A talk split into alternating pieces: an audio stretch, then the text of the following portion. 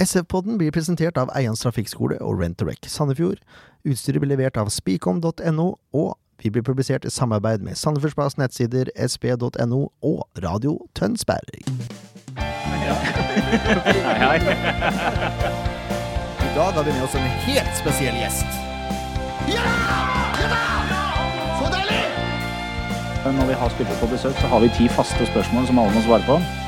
Det var årets feiring. Men er det lov å feire sånn når du ligger under setet? Og ukens artist, det er Ingen Ringgren. Bare sånn for at Jeg er ikke noe ulken. Jeg skal bare se hvor sprek han er. SF-podden! Ja, mine damer og herrer, da kan vi ønske velkommen til en nyttårsspesial her i SF-podden. Eh, Jeg heter Jørn Werner Horntvedt. Jeg har fått med meg Øystein Sørumshagen fra Samfunnsbladet.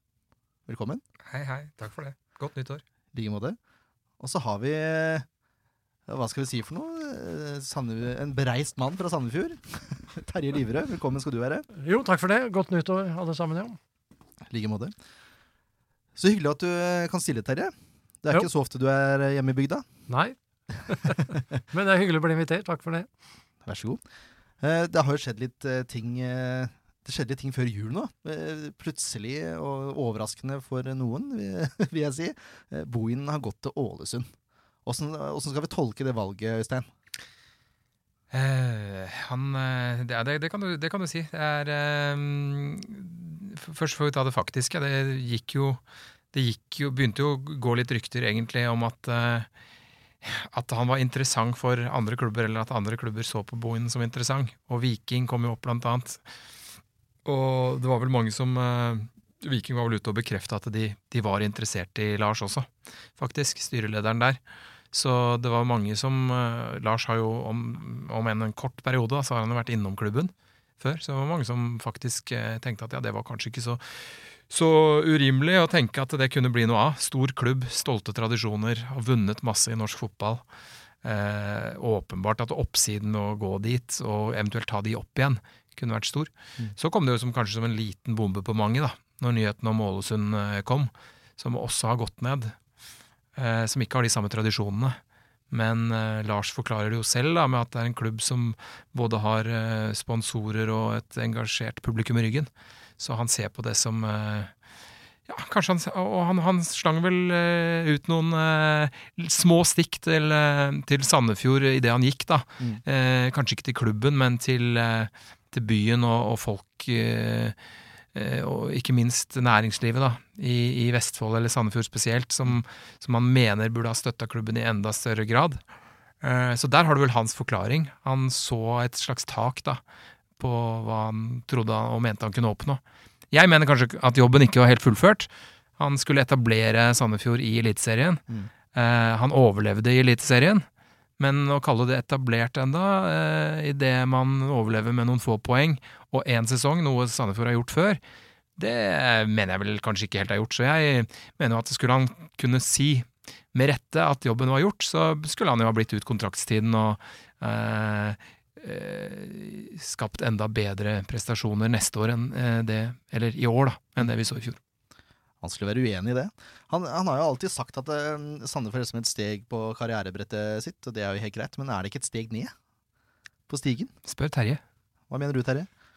Eh, nei, altså Sånn sett så gjorde han et uh, klokt valg, tror jeg. Fordi uh, jeg tror han hadde brent, begynt å brenne en del broer i Sandefjord. Og at trenere kommer og trener i går, det er noe som skjer hele tida. Det er vi vant til. Det Klubbens oppgave det er å forstå at det er normalt, og innrette seg deretter. Vil si ikke legge for mye egg i, i kurven til treneren. Eh, Fordi trenere har alltid mer eller mindre sin egen mål og sin egen agenda. Sånn vil det være, alltid være, og derfor er det ikke noe gærent i det. Fordi de skal videre i, i, i sitt liv. og Han, øh, trenere blir sjelden i en by de ikke er fra. Uh, Sandefjords del så skal man på mange måter være veldig glad for det. På andre måter så var de ikke forberedt nok. De, de forsto ikke det og har ikke forstått at uh, trenere kommer og går, og har la for mange egg da i kurven til treneren. Sånn sett så har de stilt seg i en dårlig posisjon. På den annen side skal være glad for at Bohin gikk, fordi Bohin er ingen god trener. Han har gjort en dårlig jobb i Sandefjord. Jeg har vært med fra juni, og kan ha vært opplevd på nært hold. Eh, det kunne nesten ikke ha vært gjort en dårligere jobb fra sommeren, fra 1. juli og ut sesongen, det Lars Boen har gjort. Eh, to kamper i høst reddet Sandefjord. Det var kampen mot Sogndal, fordi dette er sekspoengskamper. De kunne godt tapt mot Vålerenga. Men hadde de spilt uavgjort hjemme mot Sogndal eller hjemme mot Ålesund, så hadde de havna i kvalik og truligvis, mye mulig, rykka ned. Da var det én spiller som kom inn i pausen i hver kamp og redda de, eller i annen omgang, og det var Carlos Grossmüller. Eh, Så kan man snu og vende på det og si alt mulig, det er mange andre kamper som ble spilt osv., osv. Men poenget er at uten denne hjelpa i sommer, så hadde Lars Bohinen med dette laget rykka ned. Og dermed så er man inne på det som Sørumsagen sier, at eh, laget Han hadde jo ikke gjort jobben ut ifra den definisjonen av jobb som han hadde gjort. Men eh, nok en gang, Sandefjord skulle være ganske glad for at han har gått. Jeg skal ikke gå inn i noen diskusjon med Terje Liverud på om Lars Bohin er en god eller dårlig trener. Jeg vet at det er ulike oppfatninger om det i Sandefjord også. Eh, mange spillere har vært fornøyd med han, noen har ikke vært fornøyd med han. Det er delte oppfatninger om det i, både blant supportere og spillere. Eh, åpenbart at noen andre klubber mener han er en god trener, siden de har ønska å hente han. Men det jeg er spent på for Sandefjords del, for det er det som er eh, det, det mm, viktige her, det er den strategien og det fotavtrykket som Lars Bohin har fått lov til å sette på klubben. Eh, for det er ganske sterkt og tydelig eh, og nedfelt i eh, svart på hvitt i en sportsplan om at man skal spille sånn og sånn med så og så mange forsvarsspillere og så og så mange angrepsspillere. Altså formasjoner og spillestil er nedfelt. Eh, når man nå skal ut i markedet for å hente ny trener eh, og fortsette arbeidet, og skal finne noen som passer inn i fotavtrykket til Lars Bohinen, så er jeg veldig spent på, på hvordan klubben lykkes med det. Og jeg er spent på om det er en klok måte å, eh, å operere på, da. Altså, dette er jo, dette er jo en, her er det gjort to alvorlige feil. Det ene er som sagt at klubben har overlatt f.eks. dette, og i dette tilfellet en sportsplan, til treneren. Det skal den aldri gjøre, fordi en trener kommer og en trener går, så da må du i utgangspunktet, eller da må du kanskje lage en ny sportsplan for hver trener som kommer. Det andre er jo ett Vi kan komme tilbake til analyse, en oppsummering av sommeren og høsten, så skal jeg dokumentere hvorfor Lars Bohinen er en dårlig trener.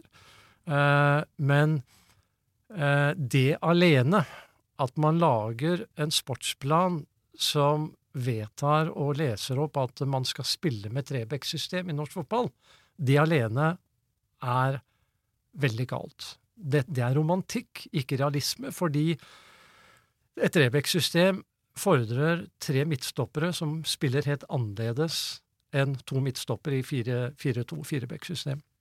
Midtstoppere som er be bevegelige sidelengs forover og bakover, relativt hurtige alle sammen, og de må først og fremst ha et veldig godt sonespill. Det er helt annen roller, helt andre roller enn å spille i firebekk.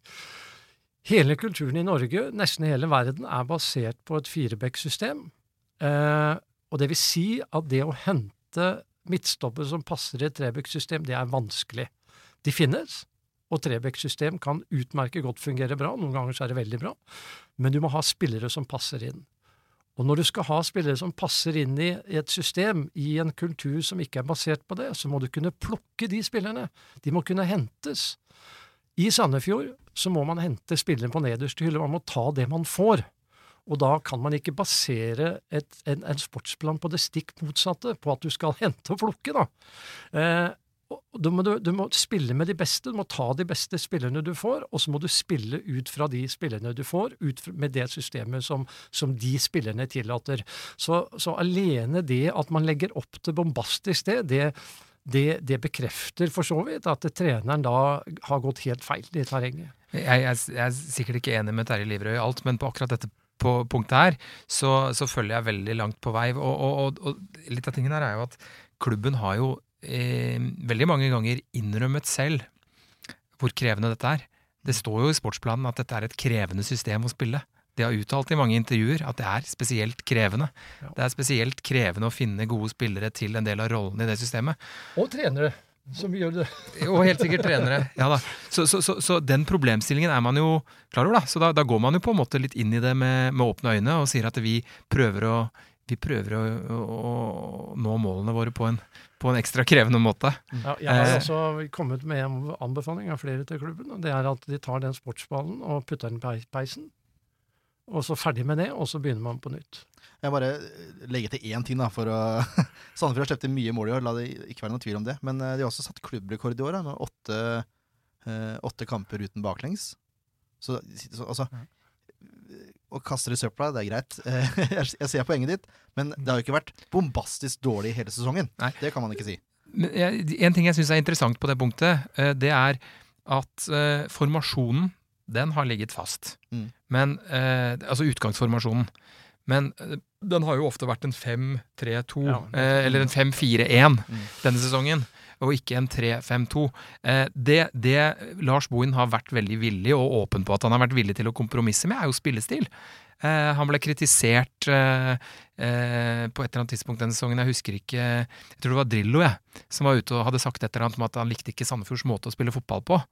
Eh, og da sa Drillo Nei, da sa Lars at han var litt overraska over det, for det var nesten ingen lag som spilte mer direkte i, i eh, Eliteserien enn det Sandefjord gjorde i år. Så den litt romantiske tanken om at ballen skal gå gjennom midten og eh, langs bakken og eh, mange trekk, den la jo Sandefjord bort til store deler av sesongen, selv om de spilte med den samme utgangsformasjonen. Så at man er villig til å endre på spillestil, men ikke på formasjon, er kanskje litt overraskende. Ja, og, og, og det, det har du helt rett i, og da kommer vi liksom litt inn på analysen fra og med i sommer. da, fordi at det ble jo vedtatt, og jeg var jo med i den prosessen, at det skulle hentes tre nye spillere, ett i hvert ledd, som skulle gå rett inn på laget for å forsterke det for å unngå nedrykk utover høsten. Og da kan man jo spille, stille spørsmålstegn hvorfor de spillerne som ble henta, ble henta. For de passer jo egentlig for så vidt ikke på mange måter til det. Vi hadde en van Berkel, hvis posisjonsspill er jeg vil si unnskyld, er så direkte, men under enhver kritikk. Eh, Jeg gikk inn og analyserte van Berkel etter at han var henta, for jeg så jo at han, han, han passa jo ikke inn i dette, han holdt ikke nivå. Og eh, så det at han var blitt fristilt den 7. april, eh, ble bytta ut. Det var hans siste kamp, så han hadde ikke spilt kamp siden 7. april. Aldri spilt i Trebekk. Nå snakker du om uh, hans klubb i I Holland, andre, andre nivå. nivå to i i Holland. ja. Så han ble fristilt der. Hadde vel, tipper jeg, da, det er min antakelse, aldri mer fått kontrakt på nivå to i Holland. Eh, og eh, hadde ikke spilt kamp siden 7. april. Aldri i Trebekk, og kommer og går rett inn i første kampen da på høsten mot Stabæk. Og det er jo dette som da får meg veldig mye til å undre spillere som ikke passer i Trebekk, blir spilt inn i Trebekk, kan holde formasjonen, men uten spillere som passer inn, som ikke har spilt, osv. Så, videre. så øh, Og så, så, så, så sier man ja, kort tid etter ja til Carlos Gråsmuller, som jo ikke er noen spiller da som er en defensiv spiller og har de styrkene i, i, dette systemet. Så er han helt motsatt spiller, en offensiv spiller. Så det er liksom, eh, Og så ble det jo ikke tatt da, noen avgjørelse på angriperen. Den ble jo ikke tatt før han landa jo 72 timer før første kampen. Så hele håndverket som ble lagt ned da i, i denne sommer, den hang ikke på greip i det hele tatt. Eh, spillere ble hentet uten at de var sett. Eh, jeg kan godt gå mer inn i detaljene, men jeg vil si alt i alt så var det rett og slett et Det var useriøst arbeid. Var ikke uprofesjonelt, det var useriøst. Hva er en normal fremgangsmåte når man henter spillere? Det er det at uh, man sier at nå skal vi ha tre nye spillere, eller én eller to. Uh, og så har man da normalt, da, men det, det har litt med ressursene å gjøre. Normalt sett så har man da kartlagt spillere og har spillere på kart og har scouter osv. Uh, det har man ikke i Sandefjord, fordi man har ikke det apparatet og de ressursene. Og da henvender man seg dette tilfellet også til meg. Og det som da er normalt, det er at man sier Terje, kan du identifisere så er jeg scouten, for å si det sånn. Jeg har sett spillere, jeg kjenner dem. Kan du identifisere spillere og komme med forslag? Men hva slags, eh, hva slags oppdrag fikk du? Hva slags bestilling fikk du? Hva trengte Midtstopper, eh, midtbanespiss. Én i hvert lagdel. Det var den grove beskrivelsen. Og, og her spør du et veldig relevant spørsmål, fordi det burde vært definert mye klarere, selvfølgelig. Eh, men det var noe sånn. Men jeg, jeg, jeg hadde jo sett laget noen ganger, og mente jo sjøl at jeg synes at man manglet noe eh, offensivt kreativt på midtbanen. Eh, Noe som liksom fordi nivået i Norge er ikke bedre enn det, og at det kunne skape mye osv. osv. Men normal fremgangsmåte det er da at eh, jeg presenterer kandidater. Man samler inn, i dette tilfellet også fra andre, eller i dette tilfellet fra meg. Eh, og så presenterer jeg noen videosnurter, eller kanskje en omgang eller sånn eh, fem minutter åtte minutter fra hver spiller, som jeg gjorde da i disse tilfellene. Det som skjer da, er at man ser på dette og sier man han kan være interessant. Han kan være, men ikke han, ikke han, men han. Dette er tre-fire spillere. Skaff meg de tre siste kampene disse har spilt. Og så skulle da, i dette tilfellet hovedtreneren, som hadde den endelige avgjørelse her, skulle satt seg ned sammen med meg natt og dag og analysert disse kampene. Det skulle være stilt en mengde spørsmål, for jeg kjente jo spillerne, alle jeg presenterte. Har sett de over flere år i enkelte tilfeller, andre over et halvt år. Og da hadde man visst hva man tok stilling til. Da hadde man gjennomanalysert sammen med meg, og da hadde man visst ja, ja, ja, og da hadde man visst hvorfor man hentet spillerne. Det er en normal prosess. Det som skjedde, var at treneren reiste på ferie. Slik at jeg ble sittende igjen med en telefon, og dette er jo Altså, det er ikke så lett, skjønner dere, å, å, å, å finne spillere som kan komme til Sandefjord. Eh, fordi at av mange årsaker En enkel årsak, lønnsnivået i norsk fotball i dag, er fryktelig, fryktelig lavt i, i, i, i, fotball, internasjonal fotballsammenheng. Lønnsnivået i Sandefjord i dag er lavere enn i argentinsk tredjedivisjon. Det vil si at isolert sett så hadde det vært bedre for Facundo Rodriguez å gå til tredjedivisjon i Argentina rent økonomisk enn å gå til Sandefjord. Eh, og det har med mange årsaker å gjøre. Krona i dag er, eh, koster nesten 10 euro, den gangen var det 7 euro, og nesten 9 dollar, og den gangen var det 5,5 dollar. Eh, nominelle kronefallet i altså lønnsnivået i Norge har falt det siste tiåret. Eh, I utlandet så har det eksplodert. Lønnsnivå. Nå, litt, nå kommer jeg litt på siden, men det er kanskje interessant for lytterne å få et innblikk i dette. her. Altså, eh, mens hele den norske fotballen på alle måter har vært i kollaps siden eh, 2007-2008, økonomisk, tilskuermessig, nivåmessig, salg av spillere, så har også med det selvfølgelig lønnsnivået falt med. Det har falt helt ned. I resten av verden, så har, fotballverdenen, så har den økt. Økte, kraftig økte eh, TV-inntekter i Premier League, Tyskland, overalt. Det, det, det spres nedover i systemet, fordi disse klubbene fra de store ligaene bruker penger. Og de kjøper spillere fra andre klubber nedover, sånn at det spres i systemet. Men hvis du skal være med på dette, så må du ha spillere å selge. Eh, Argentina, eh, River Plate, solgte spillere i 2017 for nesten 600 millioner norske kroner. Én klubb alene i Argentina. Det er halvdelen av omsetningen i Tippeligaen. Og de pengene igjen spres ned på andre klubber i systemet.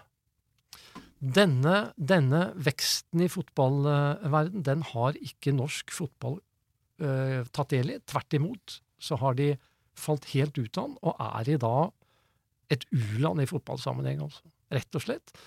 Og det er egentlig glad man ikke vet hvor stor avstand fra meg er, for da hadde man gitt opp, du.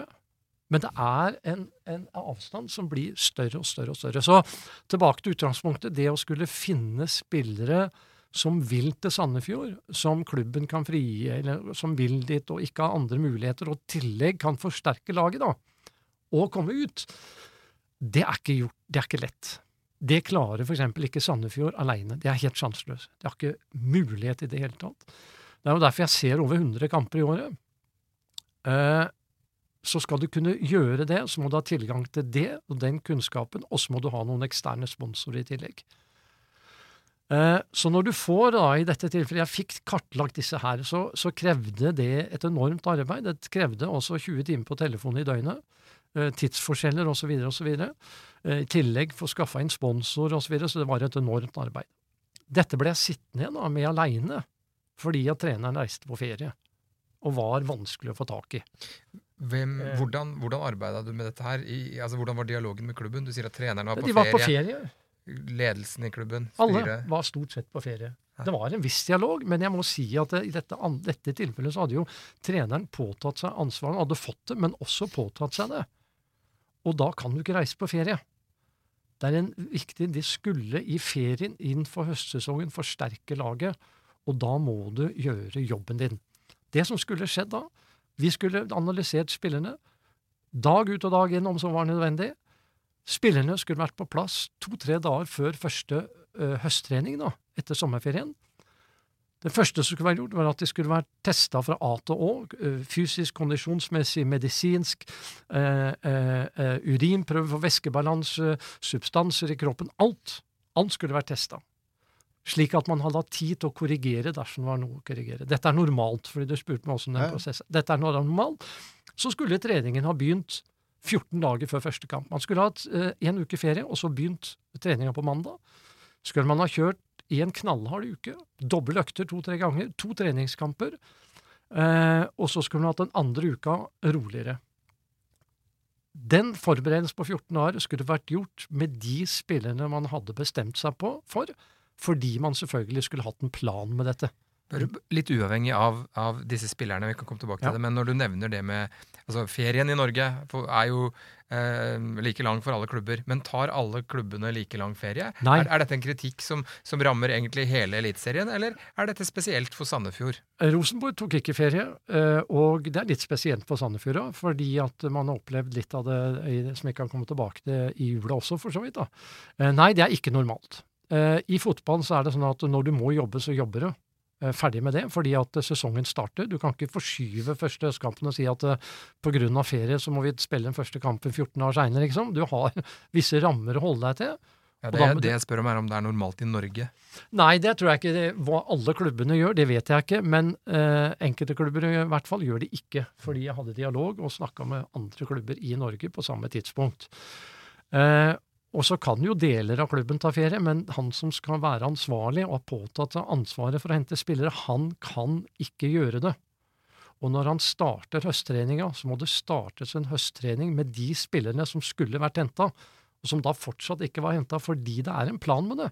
Og det skal være en plan, og da skal han kjøre inn det systemet med de spillerne som han har bestemt seg for. Det fantes null plan, null strategi, ingenting. Den siste spilleren, Rodriguez, landa 72 timer før første seriekamp. Hva skjer da? Han skal i løpet av 48 timer, fordi lørdag er stengt. På torsdag og fredag så skal han ha alle papirer på plass. Det var jo et mirakel at vi klarte det. Og der gjorde jo ledelsen i Sandefjord en formidabel jobb. Men han ble jo kjørt rundt. Jeg råkjørte jo og kunne få fartsbøter både her og der hele tida. Altså, det var jo et race uten videre for å rekke Tønsberg og, og Sem og nei, hva heter det, Stokke og dette her. Og hva skjer med spilleren da? Han er anspilt. Han har sannsynligvis dårlig væskebalanse i kroppen. Eh, Det er et mentalpress, det er nytt, eh, det er tidsforskjeller, han har flydd. Og da er det jo ikke så rart at du kanskje blir heller skada, da. Hvis ikke du vet altså, ikke sant? Altså, du, du skal, det er jo noe som heter det mentale også, det psykiske. Eh, Så dette var jo en så dårlig forberedelse som var overhodet mulig. Og, og jeg skjønte jo dette på det tidspunkt, men jeg, jeg ville ikke si noe. I hvert fall så lite som mulig. Så du du at, tok ikke opp disse kritiske punktene der og da? Nei, altså jeg nevnte det for AS-ledelsen, at eh, eh, sånn, og de, de forsto det, da. Uh, men da var det jo for seint, og, og da gjaldt det liksom å holde ro i leien, synes jeg. Så jeg valgte å, å ikke si noe om disse tingene den gangen, men jeg sier det nå, og det er derfor jeg sier, og sa innledningsvis, at man skal være glad for at treneren er vekk, for dette var et så useriøst slendringsarbeid, altså slendrianarbeid, at jeg aldri vært i nærheten av lignende. Og for å være en god trener, så må du faktisk trene. Du kan ikke være en god trener på papiret, liksom. Altså, eh, det som fortsatte utover sesongen da, etter dette her, det var jo at han kjørte jo ikke et, et lag inn. Han kjørte et lag ut. Han hadde ikke noe, det var ikke noe strategi og plan. Eh, an, 1. oktober så, så får man spørsmål eh, hvorfor starter ikke Carlos Grossmüller. Så sier han han mangler noe fysisk. Og da skulle jo selvfølgelig spørsmålene vært, også fra dere i media, hvordan var formen hans 15. juli? Da hadde han svart det vet jeg ikke. Og da hadde han jo avslørt seg sjøl. Altså, hvis Carlos Grossmüller, for å ta det eksempelet, kommer den 15. juli og blir testa, så viser at ja, han mangla litt fys fysisk, så hadde han spilt seriekamp 90 minutter 1. juli og 9. juli med bedre spillere i en bedre liga enn Tippeligaen, så han kunne ikke være så dårlig. Men hvis han mangla litt, så hadde man hatt 14 dager på å justere dette, en knallhard oppkjøring eh, første uka, og så hadde han spilt første kampen, og spilt kampene, så hadde han vokst og blitt bedre og bedre og bedre utover. I stedet så fikk han ikke spille, og ble dårligere og dårligere og dårligere. Sammen med resten av laget, fordi det ble trent på et amatørnivå. Nå hadde jo Sandefjord på det tidspunktet her, eh, ut ifra både spådommer og forutsetninger, levert en ganske god sesong resultatmessig. Uh, dersom disse nye spillerne ikke hadde kommet inn, og man ikke hadde begynt å, eh, ja, som du sier, spille ut laget, eksperimentere osv., bare hadde fortsatt samme stil, tror du Sandefjord hadde klart seg greit da? Ja, det er en som vet, vet det. Altså, jeg tviler på det fordi, fordi eh, Jeg tror ikke det. Fordi én ting Nivået i norsk eliteserie er historisk dårlig. Relativt sett så er det historisk dårlig. I vårsesongen så fikk Sandefjord med seg De også, hadde en par knappe tap, det skal nå også sies. Men de hadde noen seire. Tromsø, de møtte Tromsø på Det må jo ha vært den historisk dårligste dagen til Tromsø, f.eks. Så de fikk med seg en del poeng som de normalt sett kanskje var heldige med, fordi at de møtte veldig dårlige motstandere. Hvis vi hadde, tenker oss fortsettelsen av dette etter først siste seriekamp 9. juli, eller når det var, med ferie, dårlig trening, dårlig forberedelse Man skal være klar over at før første høstkamp så startet de ti dager før den kampen. På de fem første dagene så var treneren til stede to dager. Da skulle de også kjøre inn tre nye spillere, og han var ikke der.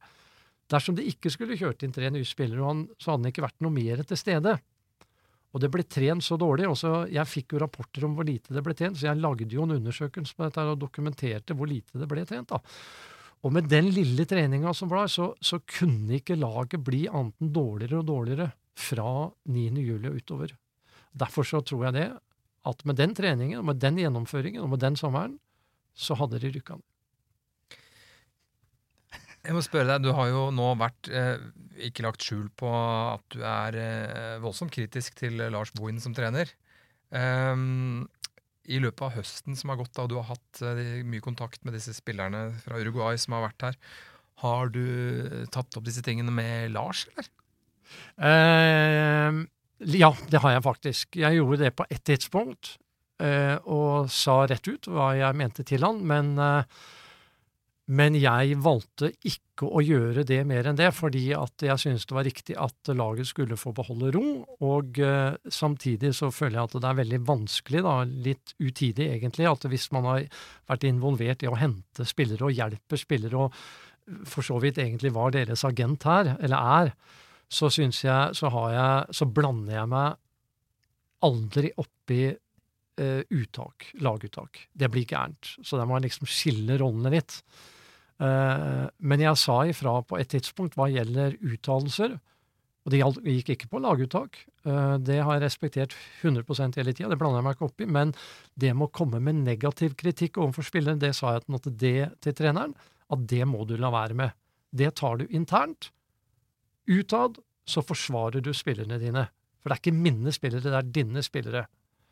Og det må jeg si at det var også en ting som jeg reagerte Det, det, det ble jeg skuffa over. En sånn ting, det tok jeg opp med dem. En andre ting jeg da lurer på, er um, uh, For du, jo, du, du påpeker jo ting du mener er uprofesjonelt uh, i, i ledelsen av klubben. Ikke bare treneren, men også ledelsen for øvrig, kanskje. Men hvordan har disse spillerne, som jo har altså Carlos Grossmuller, som har spilt i Tyskland og Italia og, og Uruguay, og Facondo, som har spilt i Uruguay Hvordan har de opplevd eh, den tiden de har vært her, da? Treningsmessig, sosialt, eh, tilrettelegging? Eh, hvordan har de opplevd å være i Sandefjord fotball? Ja, altså, de, og de er ikke de første. Eh, vi var inne på Mathias Almeida, som jo er et verdensnavn i, i, i fotball i, i, i, våres, som uh, stadig ytrer ønske om å komme tilbake til Norge. Så er det en del aspekter ved Norge som fascinerer. Uh, livsstilen, det at det er rent og pent og ordentlig, og folk kommer til tida, og, og, og i tilfelle Mathias, at han slipper å kjøre med livvakter videre, eh, ikke sant, og inngjerde områder, så er det ting ved det norske livet som, som fascinerer. Eh, så, så på mange måter så trivdes de, absolutt. Og de er veldig åpne for å komme tilbake til Norge. Eh, Er det og- realistisk? Uh, ja, det er nok realistisk å komme tilbake til Norge. Det er ikke urealistisk, men vi kan komme, komme tilbake til det. Men også eh, og, og, og folk er veldig hyggelige mot de, og klubben har vært hyggelig og hjelpsom og, og stilt opp, og alt det der har vært helt greit. Sportslig, da.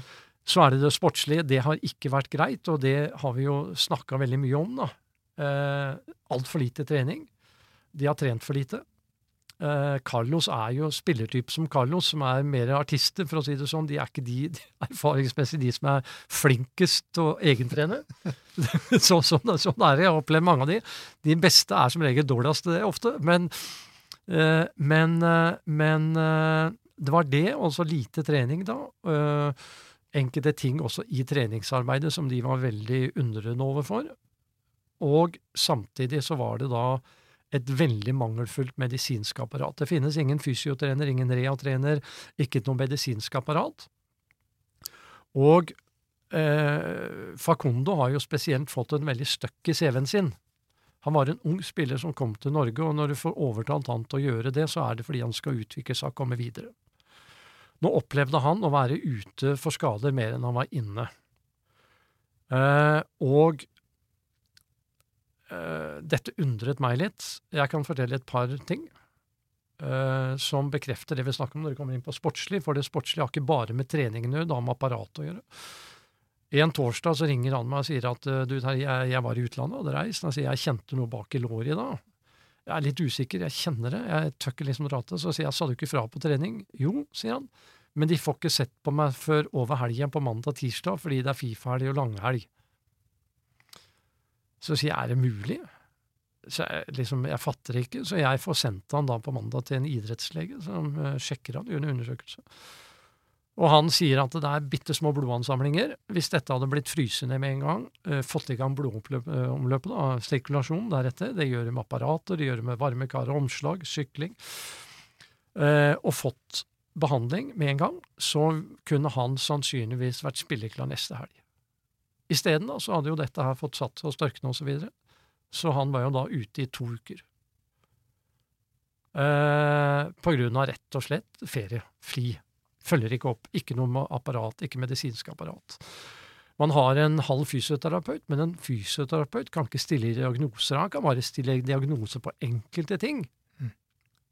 men på, ikke på det aller meste. Det finnes ikke, ikke noen leger, det finnes ikke en fysiotrener, en rehatrener. Eh, det jeg gjorde med Facondo etter sesongen, to dager etter siste kamp, så fikk han sendt han til en undersøkelse i Oslo.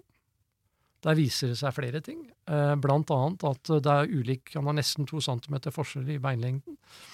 Det behøver ikke bety noe, men det kan bety noe. Det kan bety at du får en litt ujevn belastning på muskulaturen. Noe du regulerer ved å putte inn en såle i den ene skoen. Så enkelt er det. Kan være det.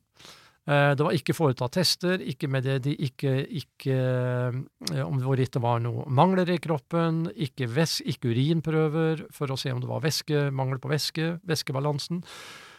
Ikke fått vitamintilskudd, ikke muskeltrening. Ingenting. Konklusjonen nå husker ikke jeg alle detaljene, men konklusjonen, den muntlige konklusjonen som jeg fikk på telefon, sa følgende Det er ingen grunn til at Rodriguez skal gå skada som han har gjort. Grunnen til han har gjort det, er manglende oppfølging og behandling fra klubben sin side. Men uh, han var ikke skadeutsatt i Uruguay? Nei, han var det for Han spilte hele vårsesongen. Den vårsesongen spilte han 14 kamper, laget åtte mål. Eh, høsten før så hadde han vært noe ute, men ikke så mye som i Sandefjord. Men visste, visste han heller ikke om den uh, ubalansen i beina før Nei, han kom til Norge? Nei, det visste han ikke om. Så det var heller ikke gjort der nede. Nei. Jeg, jeg bare lurte. Ja, ja, nei, nei. Så, men altså det, hvis, du da, hvis, du, det så, hvis, du, hvis du da opplever dette da med en spiller som er skada sånn, så skal du, om ikke du har testa han før, så skal du i hvert fall gjøre det da.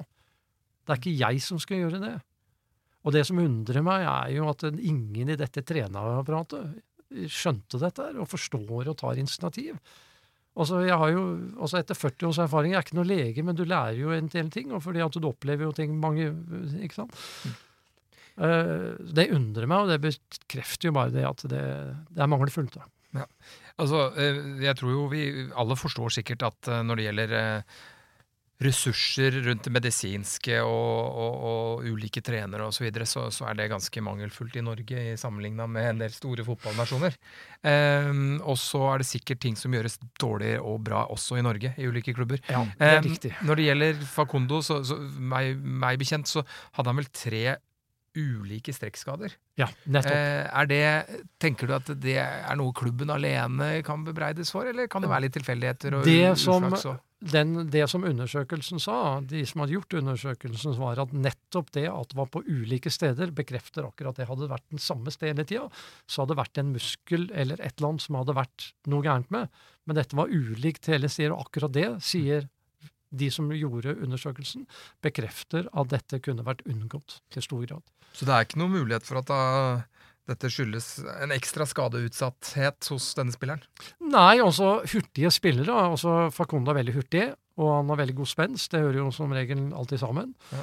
Eh, og da er du ofte mer utsatt for den type skader enn andre. Muskulaturen din er annerledes. Men da må du også apparatet sørge for å bearbeide det. Både forebyggende og vitamintilskudd. Eh, og ikke minst da, at du får en behandling med en gang du kjenner noe, f.eks. Følge det opp, da. Mm. Så enkelte typer spillere krever større øh, øh, omhu, da, for å si det sånn, enn andre. Eh, andre spill er aldri skada. Jeg må bare Det fins jo altså store klubber i verden også som også sliter med det samme, da. Eh, Ja, ja. Å holde eksplosive typer skadefrie. Altså det, det er jo ikke et problem isolert til Sandefjord, det må vi jo påpeke her, da. Ja, ja, altså, eh, absolutt. Men uh, det er jo derfor de har et medisinsk apparat og reotrenere og fysiotrenere. Mm. Det er fraværende i Sandefjord, og dermed så blir det mye, mye verre, da. Men det kan jo skje med den type trenere også. det kan skje med alle. Ja. Det kan skje med alle, men det alene at man gjør en test på spilleren, det bør, det bør ikke være jeg som skal initiere det. Det må jo være, Når det finnes x antall mennesker i en klubb, så må det, en, det gå opp et lys for ett av de, liksom. Mm. De hodene, og si at 'hallo i luken'. Men ja, har det vært noe eh, Altså, ikke for å finne unnskyldninger her, jeg bare prøver å finne Ja, ja, en forklaring. Eh, kan det ha vært noe språklig eh, som har, som har vært grunn til det? også? Nei. Nei. Nei. Nei. Hvordan, hvordan, hvordan var de kommuniserte? Var det, hadde de tolkere i spillet? Ja, det er jo to spanjoler som snakker engelsk òg, da. Ja. Så det har vel vært mye gjennom de, for å si det sånn. Og Mm. Facundo kan jo også kommunisere eh, litt på engelsk. Så det er ikke helt blåst, liksom. Nei, nei, nei. nei. nei, nei. Så det, nei så, men eh, ferdig med det. det. Det var for å forklare at det, det, det, eh, det som eh, er betenkelig, da, når, det gjelder, når det gjelder det å bringe spillere, og i denne tilfellet han, eh, det er jo det at eh, det er et mangelfullt apparat, slik at, eh, at eh, mulighetene for at dette skal gjenta seg, da selvfølgelig er like store som de var. Mm. Eh, De vil alltid, kanskje hos enkelte spillere, kanskje også hos han, være større enn hos mange andre, eller enkelte andre. Men da må man også søke seg til miljøer eh, som har eh, et ordentlig apparat. Det er viktig. Holder du på med det nå, på hans vegne, Ja. Det, i Norge? Eh, det vil jeg ikke si, men altså si noe om. Men, men eh, han har jo en agent der nede, og de jobber med alternativer i Argentina og Chile. Eh, og jeg jobber med det på disse breddegrader. ja. Har gjort det lenge, da. Vet du om klubben har lyst til å beholde de to nevnte? Det ønsker de, har de gitt uttrykk for at de ønsker, men det har ikke eh, kommet noe tilbud. Eh, Jeg har hatt en prat med klubben i dag, og de sier at de vil komme med et tilbud. Til begge disse spillerne? Eh, Ja, én eller begge. Men det er veldig seint. Så hvis jeg skal si noe om det, så vil jeg vel si det at situasjonen er slik i dag at eh, hva gjelder Rodriguez, at eh, det jobbes som sagt med et par alternativer der nede. Og, og, og blir de konkrete, så vil han sannsynligvis bli. Fordi eh, det er snakk om Argentina og Chile. Det er gode fotballspillere, det er bedre fotball og mye bedre betalt. Eh, hvis det ikke blir konkret, så er det en avtale med en annen klubb, muntlig avtale, om at han skal eh, dit eh, litt ut i januar. Eh, treffe de i Spania, og da skal han testes opp og ned og trene litt, og så får man se hva man gjør. Da. Meningen er at han skal signere. Da, men Så Vi får se. mye, som, mye som skal til for at han eh, kommer tilbake til eh, Sandefjord, altså? Ja, det er mye som skal til. Altså, vi skal aldri si aldri, og vi lukker ingen dører. Og selvfølgelig, i og med at han har vært i Sandefjord, så vil et tilbud derfra bli vurdert seriøst, ordentlig og profesjonelt. Eh, men det er da ulike aspekter. Eh, har, har det kommet andre alternativer, så vil det sannsynligvis være uaktuelt. Og så er det i tillegg da dette med totalvurderingen da, av trenere som er der, re- og apparatet rundt, medisinsk osv., så, videre, så må man liksom Tar man sjansen på det? Ville man tatt sjansen på det, liksom? Jeg vet ikke. Hva med Carlos? Carlos er jo veldig åpen for å komme tilbake. Han, eh, han trivdes veldig godt. På mange måter. Han var ikke like fornøyd med treneren. men, eh, men, eh, men han er proff nok til å håndtere det. Altså. Det gikk greit, det. Men med Carlos så er det Uansett hvor han skal hen, så er det en økonomisk utfordring. Fordi eh, Carlos Tene har jo en kontrakt med klubben sin der nede på ett og et halvt år til, og tjener i den klubben ca. da eh, dobbelt så mye som spilleren i Sandefjord i dag. Mm. Eh, Og hvis han da skal reise opp hit en sesong vekk fra familien, og eventuelt eh, da tatt med seg familien opp nå da, i sommerferien der nede, seks uker, så er det flybilletter osv. Så, videre, og så, videre. så han tjener i dag dobbelt så mye, og skal han komme hit, så, så, så, så vil det koste mye mer enn det dobbelt. Altså, så, så er det et økonomisk løft, altså. Men er det noe du eh, har sagt deg villig til å jobbe med, f.eks.? Eh, det økonomiske løftet, nei. Det har jeg sagt, og det kan ikke jeg nå hjelpe til med. Men eh, vi skal behandle alle tilbud som kommer seriøst. Eh, vi har ikke, Carlos og jeg har snakka mye om det, senest i dag. Eh, det er ikke satt fram fra vår side noe økonomisk krav eller noe som helst. Vi lytter til det som kommer. Men jeg har sagt ifra til klubben hva han tjener i dag, og at eh, et tilbud må ligge høyere enn det. Hvor sterkt eh, føler du at eh, Sandefjord ønsker eh, Carlos eh, tilbake? Eller at han skal fortsette? Nei, altså da, De som må svare på det, er jo klubben, for så vidt. da, egentlig, Men også inntrykket mitt er vel at de, de, de Inntrykket mitt er at de ønsker seg begge spillerne. Er det kompliserende at de ikke har noen hovedtrener på plass for den prosessen? Uh, nei, eh, for, deres vedkommende ikke. For vårt så er det jo ikke noe pluss, da. Altså Man vet ikke hva man har å forholde seg til, liksom. Så skulle det liksom være sånn eh, at det kommer Facundo, ikke, at det ikke er noen alternativer osv., og så, så så vil det jo være, så kan han jo bli der han er, begge to. liksom, Så, så det er jo ikke noe pluss, da. Jeg må jo si det. Usikkerheten er jo Hva med, hva med andre spillere? Jobber Eh, du med noe eh, overfor Sandefjord. Ja.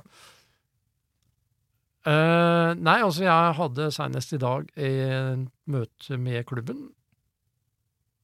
Og eh, jeg kan jo liksom ikke helt gå i detalj om hva som ble diskutert i møter med andre. Det må de liksom bekrefte. Jeg har ikke noe problem med det, men jeg, tror ikke det, jeg syns ikke det er riktig. Men generelt så kan jeg vel si at eh, det har vel vært indikert, ytret et ønske om en samtale hvorvidt eh, jeg kan bidra med det, og muligvis også en del ting som vi snakket om i sommer. Og mitt svar til det er at det kan jeg dessverre ikke, av ulike årsaker. Eh, men jeg skal være behjelpelig så godt jeg kan, selvfølgelig med Carlos og Facundo. Så det du sier nå, er at det, det du kan bidra med overfor Sandefjord, begrenser seg til disse to spillerne, konkrete spillerne som har vært her? Ja, det begrenser seg til de, men den sjansen er jo spesielt hva gjelder Facundo da, også veldig liten, fordi at vi, jeg og agenten der nede og jeg, vi jobber jo med, med andre alternativer og har gjort det lenge. Mm. Eh, og har kommet langt på vei i de prosessene. Så sånn ser det ut per i dag. Men eh, hvordan ser du på fremtiden nå, da, i forhold til et eventuelt samarbeid? Er det helt lagt dødt, eller? eh, Ja, for min side så er det det. Jeg kan ikke, fordi uh, dels så Så Muligheten var der i sommer. Men uh, det ble jo lagt på is, og det var en veldig god mulighet. da, fordi også de mulighetene som jeg ser, til tross for at det er veldig vanskelig i dag i forhold til for ti år siden å, å få attraktive spillere hit som, som kan komme videre. fordi meningen, Det er to meninger med det å hente spillere. Det ene er å forsterke laget, og det andre er at noen av disse her i hvert fall skal være salgsobjekter. Eh, Jeg vurderer Rodriges til å være det, e- det eneste potensielle salgsobjektet i Sande fotball, hvis han hadde vært der. Eh, Han har i første omgang potensial Belgia-Holland, og etter hvert kanskje videre derfor også. Eh, det må liksom være målsetningen, og det krever veldig mye jobb. Og det kreves ikke minst også eksterne sponsorer, og da var det sånn i sommer at eh, vi hadde åpnet for dette her, eh, undertegnede, jeg, og en, eventuelt to andre sponsorer, som er villige til å spytte inn penger i dette her sånn, forutsatt at jeg henta spillere. Kan du si hvem det var? Eh, nei, også Øystein Spetalen og jeg snakka mye sammen.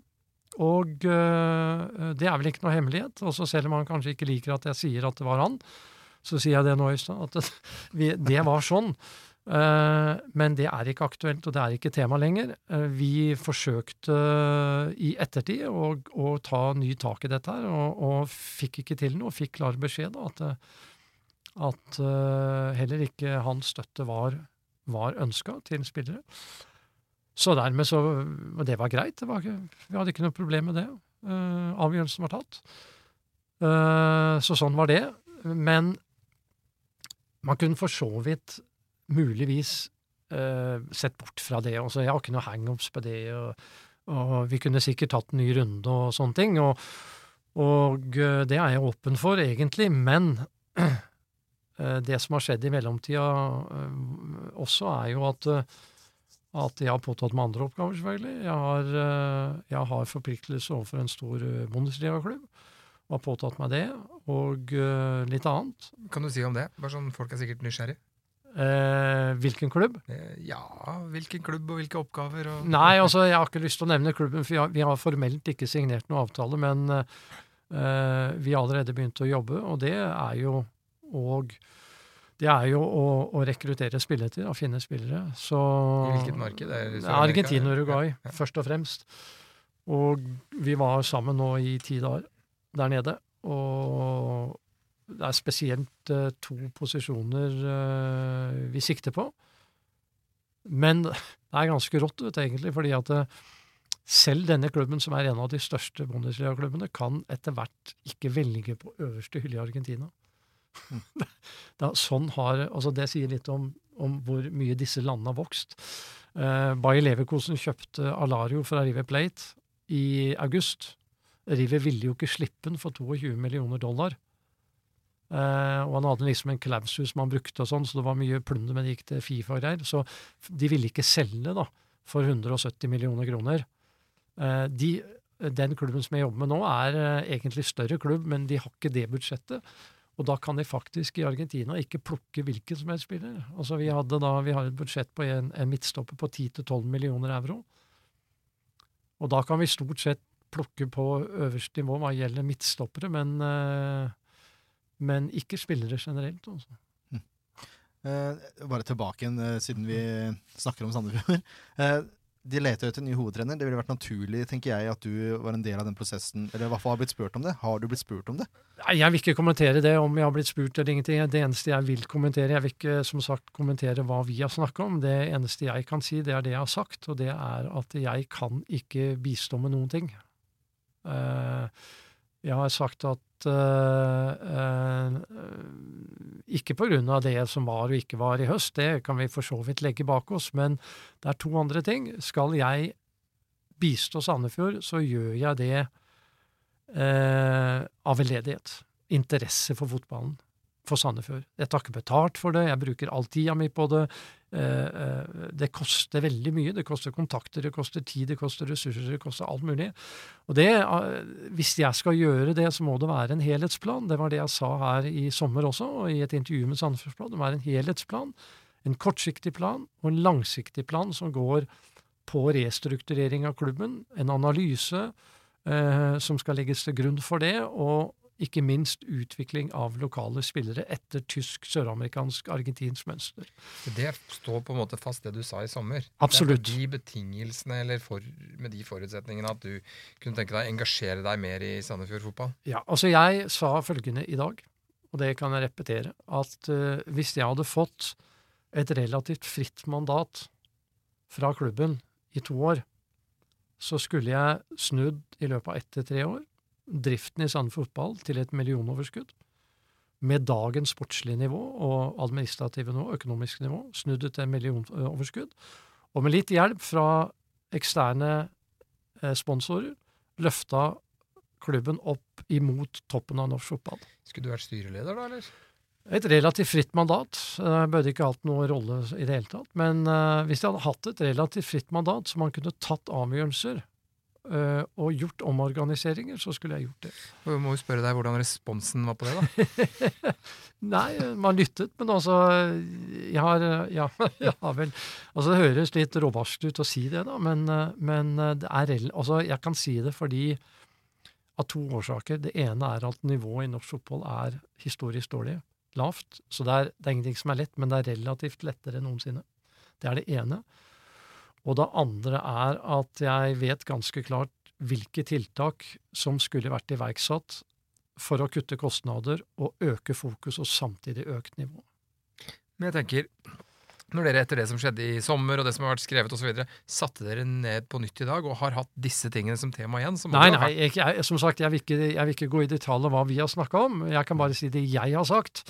Og det er at én, jeg kan ikke bistå klubben med noe hjelp. Eh, Det er det eneste jeg kan si. Eh, Det har ikke historiske årsaker, egentlig. Men eh, det har også med tida med å gjøre. Jeg skal hjelpe dem med Carlos og, og, og, og, Facundo, selv om oddsa der er relativt dårlige.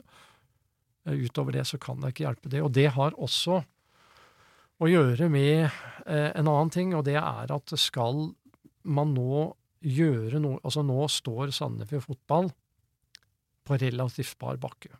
De står egentlig på bare bakke, slik jeg vurderer, enn noensinne. Eh, de har to hjelpetrenere som ikke er hovedtrenere, ikke er utdannet, ikke har erfaring. Ingen apparat, ikke medisinsk, ikke støtteapparat, ikke sportslig leder. Og de har ingen organisasjon i klubben. Det finnes ikke institusjoner. Klubben fungerer ikke i det hele tatt. Og her kommer vi inn på det som er hovedproblemet, årsaken til det frie fallet i norsk fotball. For ca. 20 år siden så ble dette her med parallelle AS-strukturer innført i norsk fotball. Det som skjedde, var at det kom inn en rekke onkler og tanter og snille onkler og investorer som ikke var osv., og pøste inn penger i norsk fotball, og man fikk en voldsom opptur. Det som skjedde, var at strukturen og institusjonene i klubbene ble revet ned. Eh, avgjørelser ble tatt av personer som ikke skulle ta de.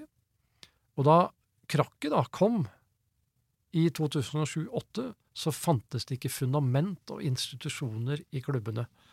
Hadde ikke fungerende styrer, apparater, hadde ikke utvikla spillere, hadde ikke satt av midler til å utvikle spillere, skjønte ikke dette her.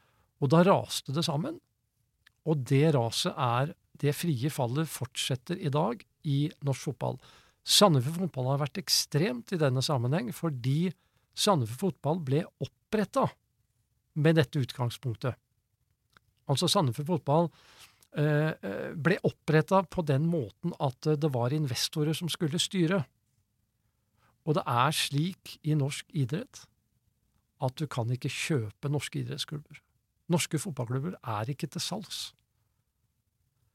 Ifølge lover og regler i Norges Fotballforbund så skal ikke et aksjeselskap ha noe som helst å gjøre med sportslige avgjørelser. Det skal være en armlengdes avstand, akkurat som i Tyskland for øvrig. Der heter det 50 pluss 1, altså 50 pluss 1. Klubben er klubben. Eksterne eh, sponsorer kan håndtere økonomiske aspekter, men skal ikke ha noe innflytelse på det sportslige.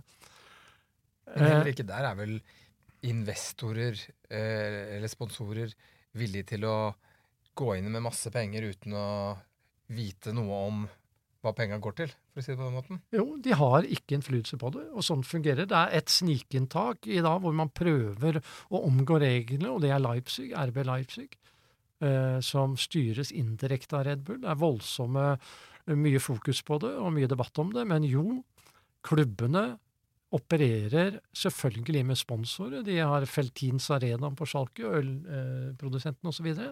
Men ingen sponsorer skal ha, eller har, innflytelse på sportslige avgjørelser. Og det som er interessant i denne sammenheng, det er jo at alle tall, undersøkelser, viser, og jeg har de her hvis dere er interessert i det, du som er i avisa, at produktiviteten og effektiviteten i, liga, i, i klubbstyrte ligaer i forhold til eierstyrte ligaer, eksempelvis Premier League, Bundesliga, Premier League, eh, La Liga i Spania. Produktiviteten i klubbstyrte ligaer er mye høyere. Effektiviteten er mye bedre. Samme undersøkelsen er gjort, Rosenborg-Vålerenga. Produktiviteten i Rosenborg mye, mye hakket, husker ikke hvor mye høyere, men også du kan f.eks. måle over ti år. Hvor mye har Vålerenga betalt per poeng? Hvor mye penger har de brent av per poeng i forhold til Rosenborg? Så finner du hvor mye mange øre eller kroner man har betalt per poeng. Det samme, og det er veldig interessant, Premier League, som er den desidert sterkeste ligaen økonomisk, selger rettigheter som hakka møkk over hele verden, også Premier League, da, eh, TV-rettigheter,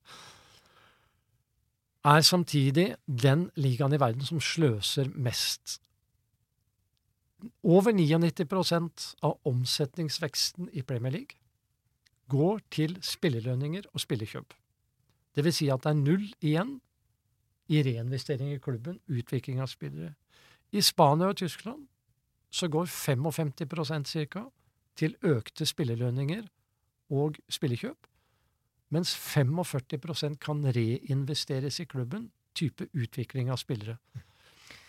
Å, Og, ja. ja, og dette er jo sånn, ikke bare indikasjoner, dette er klare bevis på da, at klubber som er styrte av investorer, ligaer som er styrte av investorer, de brenner og svir av penger og får veldig lite igjen av det.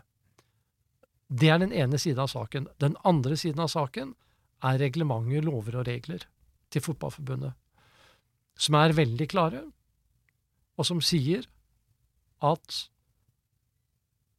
et aksjeselskap, et aksjeselskapsstyre, ikke skal ha noe innflytelse på sportslig disponering.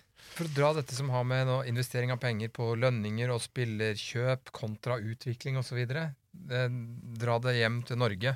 Eh, dette som nå skjer i regi av eh, norsk toppfotball og toppfotballsenteret med akademiklassifiseringen, eh, som er eh, et hva skal jeg si, måle- og analyseverktøy på hvordan man driver talentutvikling, men som også er avhengig og også baserer seg til en viss grad på hvor mye penger man da bruker på å ansette skolerte trenere til å drive med spillerutvikling i klubbene osv. Det er kriterier. Så er, er dette et skritt i riktig retning? Har dette noe for seg? Hva, hva? Altså, faktum er at Norge ikke utvikler fotballspillere, og selger ikke fotballspillere. Grovt sett. Litt grovt sagt. Eh, når de ikke gjør det, så betyr det at ting gjøres feil.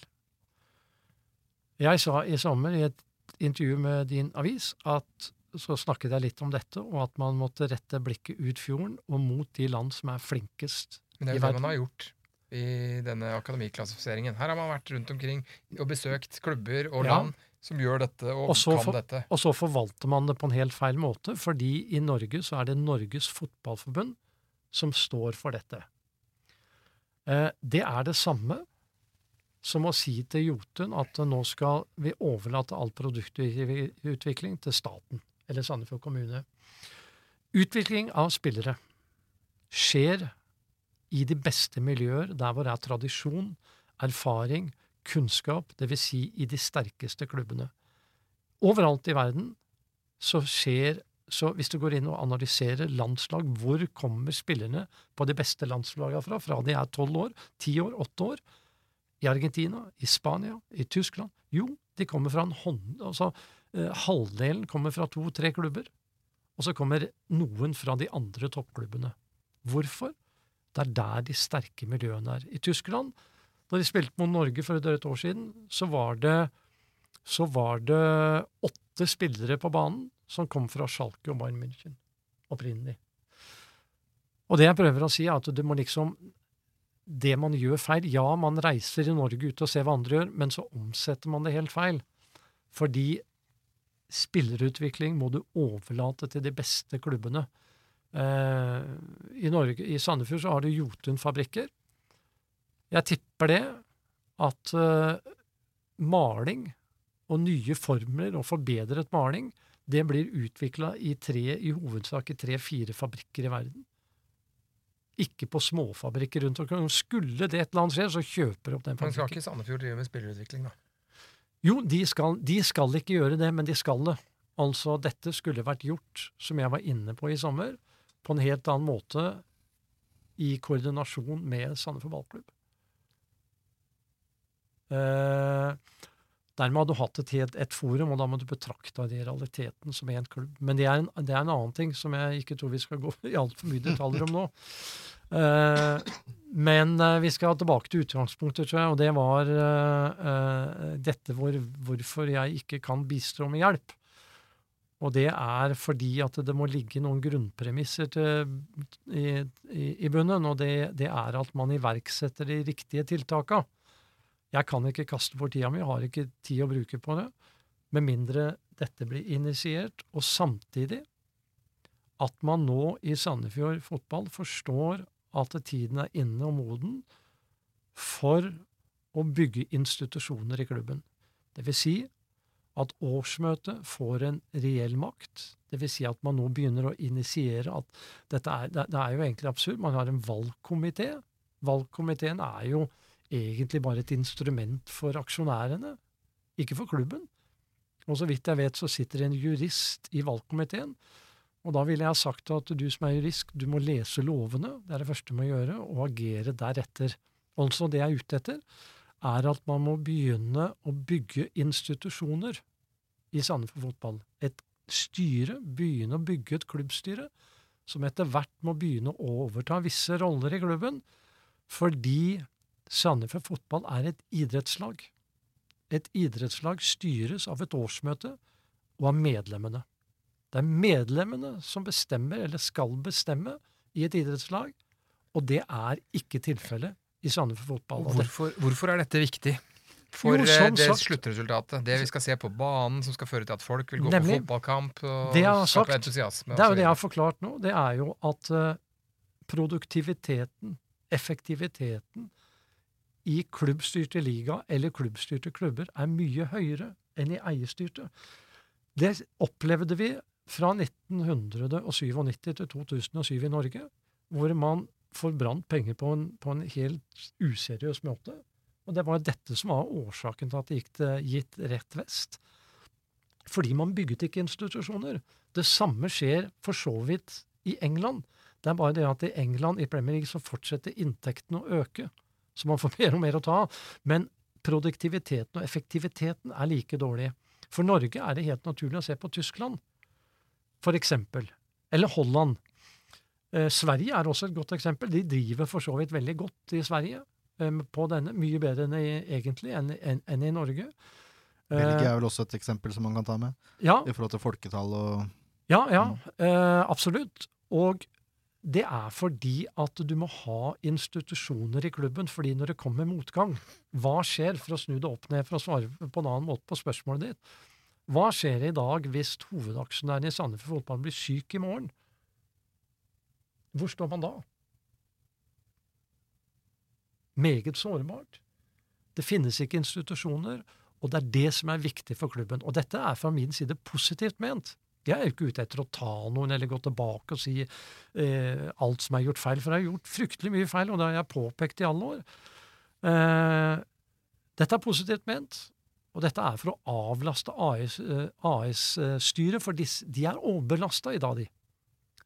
De er faktisk overbelasta, og de kan ikke håndtere disse tingene til daglig. Og så finnes det ikke institusjoner som kan avlaste de. Så mitt råd i all velmenighet, positivt ment, dette er ikke noe kritikk, altså, det har jeg også sagt til dem, at uh, dere må begynne der. Hvis dere klarer å begynne der, så kan vi snakke sammen til sommeren. Så skal jeg se om jeg kan hjelpe til. Håper å si, Det var egentlig en grei måte å, å runde av på. Det er bare, jeg, bare, jeg må spørre, for jeg sitter og tenker på det en stund nå. Eh, Vi var innom aksjonærer og at, at de vil påvirke fordi de spytter inn penger. ikke sant? Ja. Eh, har situasjonen vært noe av det samme med Carlos?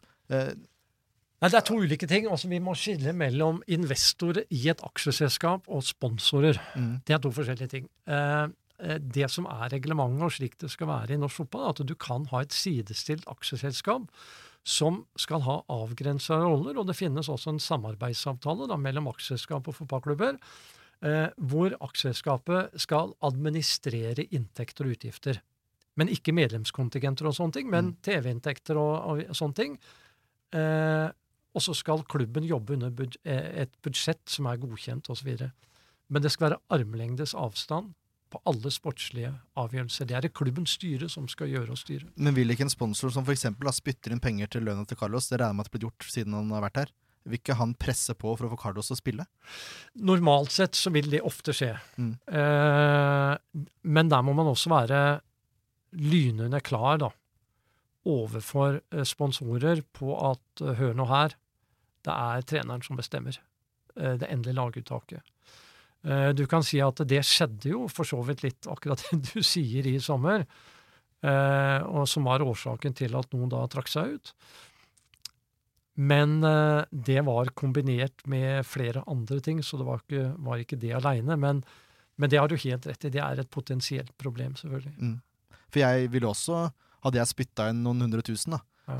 for én spiller et halvt år, Ja. så ville jeg også sett den spilleren mest mulig. Det sier jo seg sjøl. Altså, jeg vil jo ha avkastning for pengene mine i form av underholdning, da. Ja, hvert fall, i det minste. Og det er klart, derfor så er det jo også litt farlig dette her på mange måter, da, når det gjelder eh, direkte sponsorer for spillere. Mm. Uh, helt klart så, så Målet må jo være at man blir uavhengig av slike sponsorer. Eh, Men jeg tror for å få en jumpstart, hvis man skulle fått en jumpstart, en boost, da, for å si det sånn, eh, så, og fått inn disse tre, fire, fem, ikke sant, og så Facundo, Carlos og to-tre til, så, så hadde man nok ikke kommet utenom eh, det dilemmaet, da. Og vært avhengig av eksterne sponsorer, og så måtte man takla det i en periode så godt man kunne. Mm. Og håpe at det gikk over, slik at Vi så jo et, en, for så vidt en indikasjon i sommer på hva som var mulig. Også etter at, eh, etter at jeg kom inn på banen, og det ble snakk om Facundo Carlos, og han kom og, og, og forland og alt mulig, så opplevde man vel et, et, et, et, hva skal vi si, en medieinteresse i Norge som Sande Fotball kanskje aldri har hatt før. Mm. Og det jeg prøver å si, det er at eh, det ligger et potensial. Det skal ikke så mye til.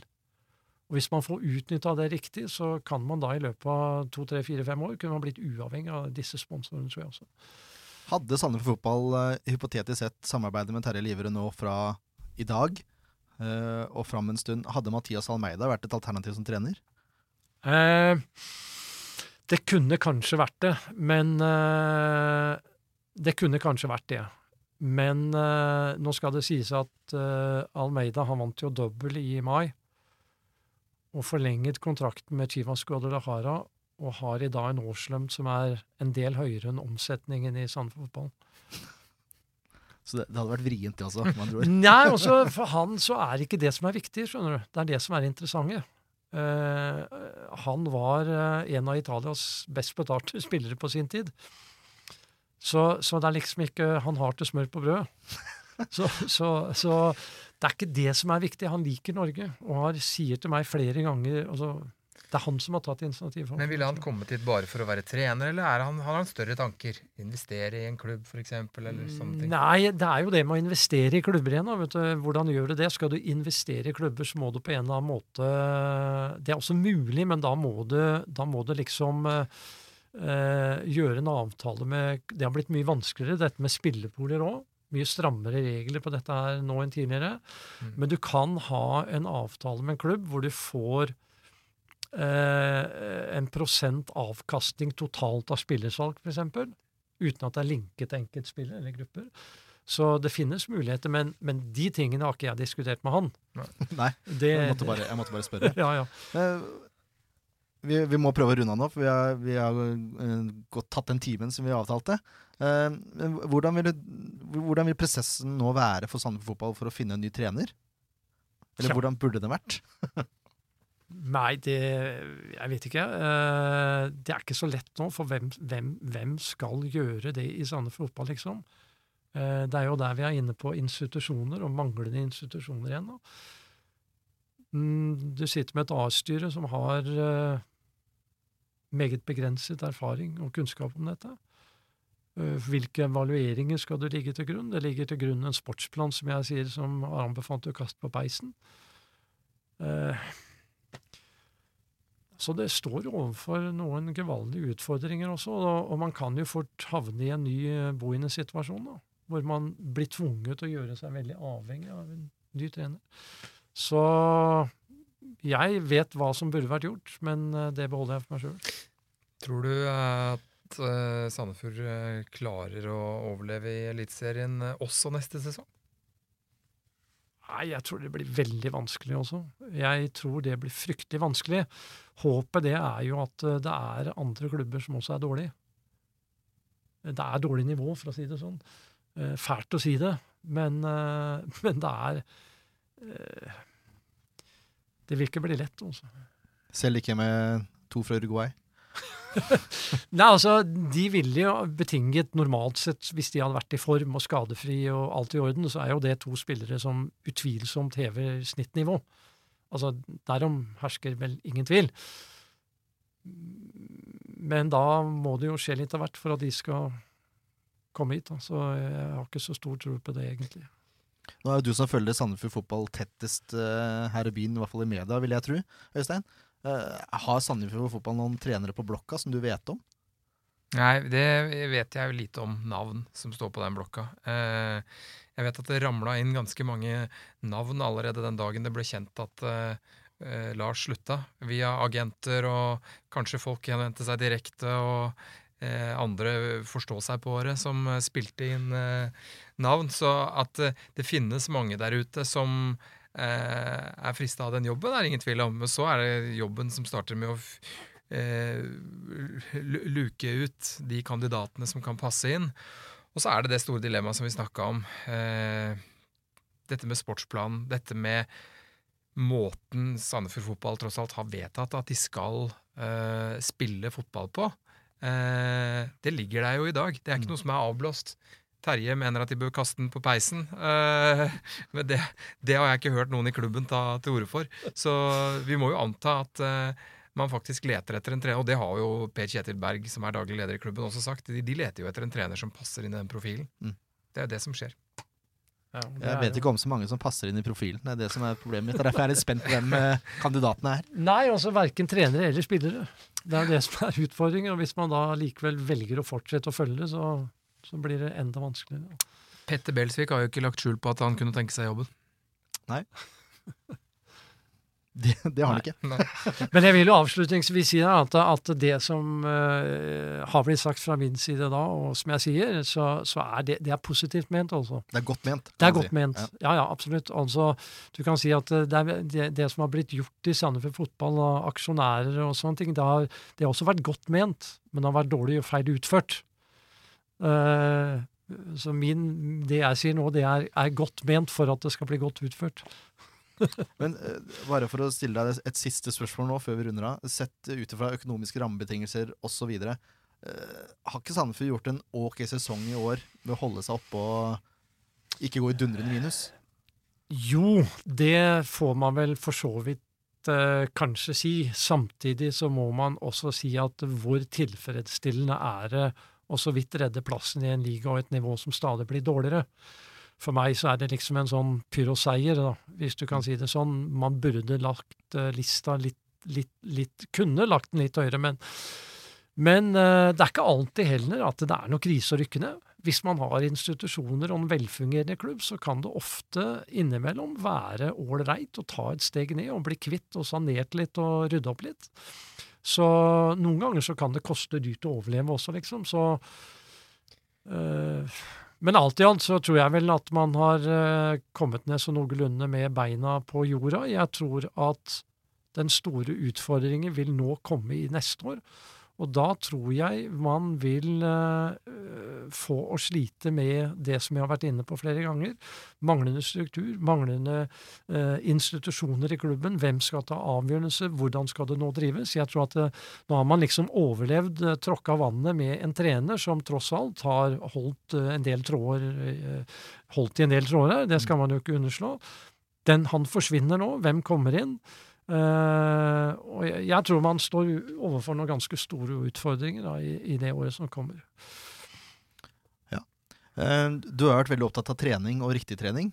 Jeg fikk et eh, avisutklipp fra 1976 tilsendt fra pappa, altså min far, her om dagen. Han er nevnt i samme artikkel som deg, nemlig. Jeg tenkte jeg skulle bare lese et lite utdrag for det. Oi. Det er nevnt Øystein Brudal og Geir Horntvedt. Geir Horntvedt er da min far. Oi, er det det, ja? Ja, som eh, ville blitt strålende spillere hvis de hadde vokst opp noen år tidligere, men klarte seg noenlunde pga. talentet for det. Uh, Terje Liverød hadde ikke Øystein og Geirs uh, forutsetninger, men han var villig til å høre på alle som hadde et klart syn på uh, ting. På fotball. Og han ville til å trene sne, sol, regn og kulde. Og det er derfor han gikk fra å nærmest eh, ville bli kastet ut av publikum fra laget til å eh, Var det ballklubben? Det er jeg ikke helt sikker på. Ja til å spille på kretslaget to år senere. Og så tidlig, og så da videre til Danmark. Så treningsviljen, Terje, det er vel aldri Ja, altså, jeg har jo de treningsdagbøkene fra, den, fra 19 år. Altså, da jeg var 19 år amatør, så trente jeg mer enn Sandefjord fotball i dag. Og jeg tør uh, vedde ganske mye på at jeg var i bedre form enn alle spillene. Det er jo en herlig måte å avslutte på, er ikke det? da? Du, Tusen takk for at du tok deg tid. eh, Du er en travel mann, så det er veldig fint at du tok deg tid til oss. Bare hyggelig. Takk for det, og takk til deg, Øystein. Bare hyggelig. Det var altså vårt intervju med Terje Liverød. Han kom jo med ganske krasse og ærlige refleksjoner rundt hva han mener om Lars Bohin som trener. Han kalte vel han rett og slett eh, for en elendig trener. Rent presseetisk sett så synes eh, vi at Lars Bohin har rett til tilsvar på dette. Og dette var det tidligere hovedtrener i Sandefjord Fotball, Lars Bohin, hadde å si. Pussig, i sommer sa han til meg at jeg var den eneste i klubben som hadde peiling. Ingen i klubben har peiling. Kun Terje som kan, men sånn er Terje. Baksnakking og grydolking uansett hvor vinden blåser kappen. Derfor vil ingen i SF til slutt ha noe mer med ham å gjøre, og det sier vel alt. Jeg var også i kontakt med klubben sjøl for å høre om de ville uttale noe om eh, det Terje har sagt. Og det de sier, at de er ferdig diskutert med Terje, men de stiller gjerne opp for oss i SV-podden for å fortelle om Sandefjord fotball fremover. Eh, Forhåpentligvis da etter en ny hovedtrener er på plass, kan vi ha en podkast dedikert til fremtiden for eh, Sandefjord. Og det gleder vi oss veldig til. SV-podden er jo en podkast som skal eh, fremme Sandefjord fotball i media, og generelt, egentlig. Vi vil skape diskusjon. Vi vil skape blest rundt klubben. Og det er en av grunnene til at Terje Liverød blir invitert. Vi er ikke nødvendigvis enig med Terje Liverød i alt han sier, men noen av betraktningene hans er jo veldig øh, objektive og gode, må jeg si. Derfor er det spennende å ha Terje på besøk, og ikke minst så skaper han debatt. Og det er vel hovedgrunnen til at han blir øh, invitert. Det blir diskusjoner, det blir debatt, og forhåpentligvis så bringer det klubben og supporterkulturen fremover. Nå gleder vi oss til eh, jakten på ny hovedtrener er eh, ferdig, og Sandefjord Fotball skal presentere den treneren. Som sagt så kommer de da forhåpentligvis til oss for å, et intervju. Det gleder vi oss veldig til. Imens må vi si fortsatt eh, godt nytt år. Håper dere likte podkasten, og del den gjerne da med venner og lignende. Slik at debatten om Sandefjord Fotball blir større. Takk for at dere lytter. Vi snakkes veldig snart. En podkast av Blanke ark medieproduksjoner.